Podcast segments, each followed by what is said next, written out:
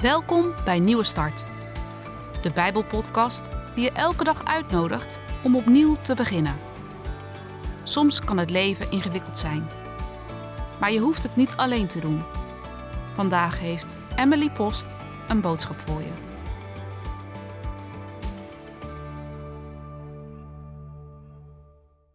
Vandaag hebben we het over dankbaar zijn in tegenspoed.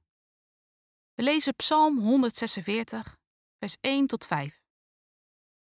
Halleluja, mijn ziel, loof de Heere. Ik zal de Heere loven in mijn leven. Ik zal voor mijn God psalmen zingen, zolang ik er ben. Vertrouw niet op edelen, op een mensenkind bij wie geen hel is. Zijn geest gaat uit hem weg. Hij keert terug tot zijn aardbodem. Op die dag vergaan zijn plannen. Welzalig is hij die de God van Jacob tot zijn hulp heeft, die zijn verwachting stelt op de Heere, zijn God. Dankbaar zijn in tegenspoed.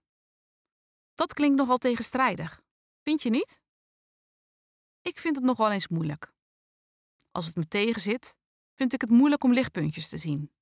En heb ik de neiging om een kopje te laten hangen. Hoe is dat met jou?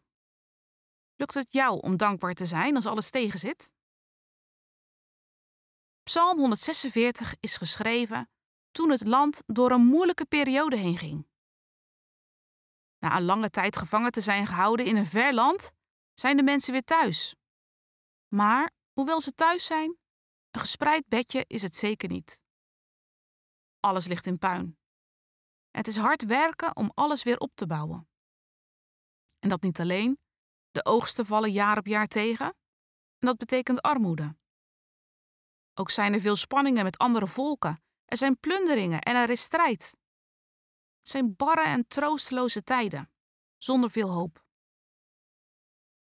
Maar dan is er iemand die dit lied zingt en schrijft. En het begint met een overtuigd Halleluja. Mijn ziel looft de Heere. De dichter brengt lof aan God te midden van de omstandigheden. Niet zomaar een keer, maar zijn hele leven lang, zolang hij bestaat. De lof aan God wil de dichter zelfs bezingen. Al zingend wil hij God loven. Nou, ik weet niet hoe het met jou zit, maar als ik down ben, dan heb ik moeite om te zingen. En de dichter leeft in de tijd van moeite, maar het zit hem toch niet in de weg om God te loven. Hoe zou dat nou kunnen? Laten we er eens goed naar kijken. De dichter heeft iets geleerd over vertrouwen. Hij heeft iets geleerd op wie hij moet vertrouwen. Maar eerst zegt hij iets over op wie het volk niet moet vertrouwen. Dat zijn mensen met macht. Het volk moet niet te veel van mensen verwachten. Hoeveel macht ze ook hebben en hoe groot hun plannen ook kunnen klinken, het zijn en blijven stervelingen die voorbij gaan omdat we dus niet op mensen kunnen vertrouwen, moeten we op God vertrouwen, zegt de psalm. Degene die dat doet is welzalig. Uiterst gelukkig betekent dat woord volgens de dikke vandalen. Uiterst gelukkig is de mens die de God tot hulp heeft, die zijn verwachting stelt op Heere zijn God.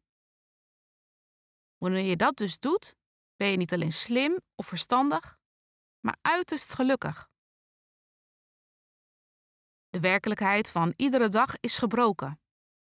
Er is om ons heen zoveel ellende. En misschien ken je dit ook wel uit je eigen leven. Maar ondanks dat roept deze psalm je op om te blijven vertrouwen op deze God. Om te midden van je zorgen, je zwakte, je falen, je ogen gericht op God te houden. En daarmee krijgt Psalm 146 een bijzondere klank. We blijven hem lof zingen, al is het soms met een brok in de keel en met een gebroken stem. We mogen blijven vertrouwen op God, die in de diepste diepte met je wil zijn. Welzalig, uiterst gelukkig, is dan wat je bent. We zullen bidden. Trouwe Vader, u kent ons door en door en weet van al onze omstandigheden. Leer ons om U te vertrouwen, door alle omstandigheden heen. Dan zullen we U lof zingen. alle dagen van ons leven. Amen. Wat geeft jou kracht om vandaag God de lof toe te zingen? Of waarom heb je er vandaag moeite mee?